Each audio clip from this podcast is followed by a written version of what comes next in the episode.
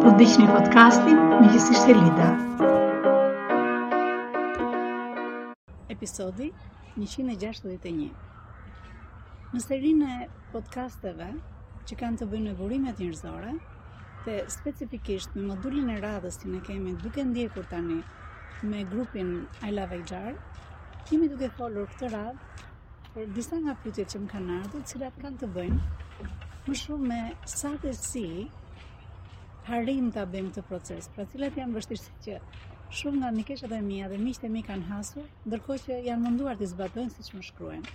Unë do marr në fakt marr, në fakt vetëm një pyetje që në fakt përsëritet në forma të ndryshme nga të gjithë dhe kjo ka të bëjë me rolin e burimeve njerëzore. Pra kur unë them në pikën e parë, në podcastin që ka të bëjë me rekrutimin, atë të parin, dhe thashë që shiko mos dilni nga zyra e drejtorit apo e personit të drejtuesit të linjës që kërkon një person të ri në rekrutim, pa marrë disa përgjigje. Dhe e, disa miqve iu qe dukur sikur unë po thoshja që ne duhet të jemi arrogantë me me drejtuesit, E kundërta. Bile kush ka punuar me mua e ka kuptuar që ne kemi përdorur një shprehje që ka qenë gjithmonë shprehja që thoshim të bërit fresk çdo të martë, që në fakt do të thotë ndërtimi i marrëdhënieve të mira dhe i komunikimit me faktorët kyç në organizatë. Pra, nuk ka të bëjë aspak me të qenit arrogantë, sesa ka të që ka të bëjë me sa dhe si jemi të aftë që të përcjellim tek drejtuesit tanë që ne shtojmë vlerë me atë që bëjmë. Është detyra e gjithë secilit t'i tregojë drejtuesit apo personit që kërkon të marrë dikë në kompani që është në të mirën e procesit, të jetë sa më e qartë ajo e burimeve njerëzore apo ai i burimeve njerëzore, çfarë Cila është detyra kryesore e këtij pozicioni që po fusim në kompani? Cili është rezultati që pritet? Po në qoftë se këtë nuk e thotë personi, i cili do ta marrë dikë në kompani, si mund ta dijë ai i burimeve njerëzore? Nuk do doja të për, të të përzienim këtu pjesën e të qenit përgjegjës të procesit, që është vetëm burimet njerëzore, dhe të qenit pronar i vendimmarrjes, që nuk është burimet njerëzore. Pra ne na duhet, në fund fare na duhet rezultati të marrim uh, disa persona që janë më të mirët. Pra le të themi më të mirë të talenteve në treg. Këtë po kërkon gjithsecili sot. A ka mundësi që këtë gjë të kemi mundësi ta bëjmë që nga fillimi mirë, pra të marrim përgjigjet e duhura nga personat që janë në fuqi, që janë në vendimmarrje, që janë pronarë të vendimeve në fund fare.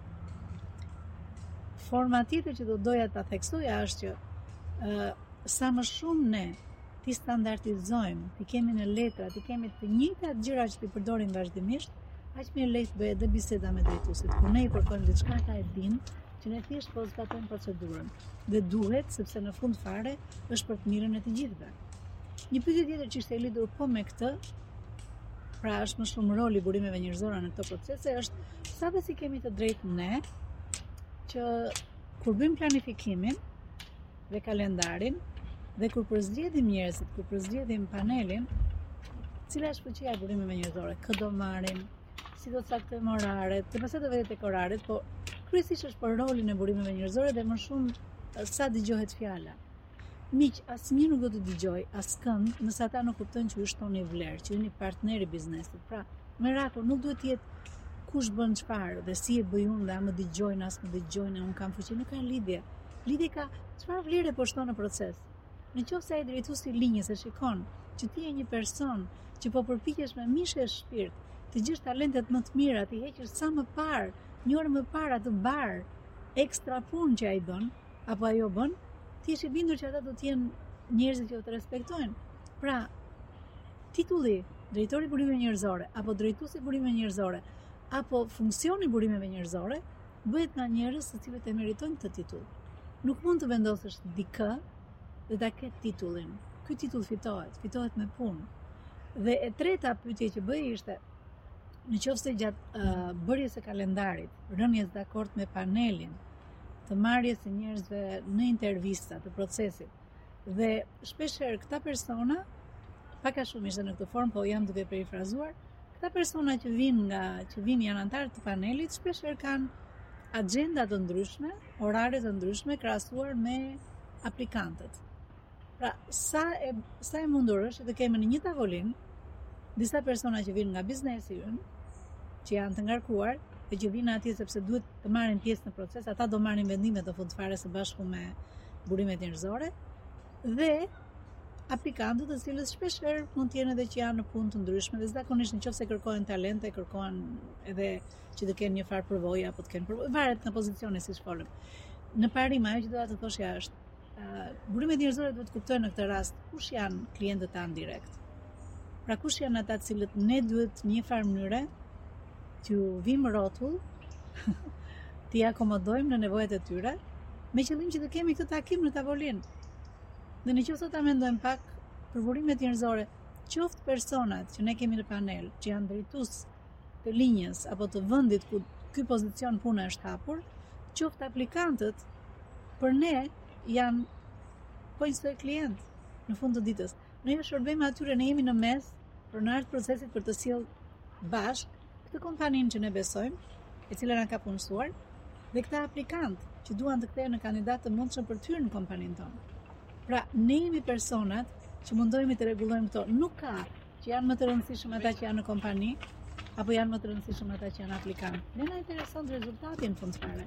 Me qëllim që të dy palët të kenë mundësi që kur të flasin, të jenë në një kohë të mirë, të jenë të shkëputur nga puna e përditshme, të jenë në një ambient në të cilin rezaton ë profesionalizëm i, i kësaj kompanie. Por gjithsesi, herën tjetër do të flasim më shumë për procesin, për zgjedhjen, për çfarë duhet të kemi në tavolinë, si i presim, si i presim njerëzit, uh, për të vazhduar pastaj më mbrapa me procesin e selektimit. Miq, duke shpresuar, kem ndihmuar sadopak, ju lutem më shkruani prap, uh, në çdo tre, tre pjesë të këtij seriali, Coaching HR do të vë një pjesë që ka të bëjë me pyetjet. Më shkruani për pyetjet, mund t'i shkruani kudo, qoftë Elida Motro në Facebook, qoftë tek uh, email tek elidamotro@emi.business.com. Duke shpresuar të dëgjoj prej jush, ju uroj gjithë bekimet e Perëndisë. Miqësisht Elida.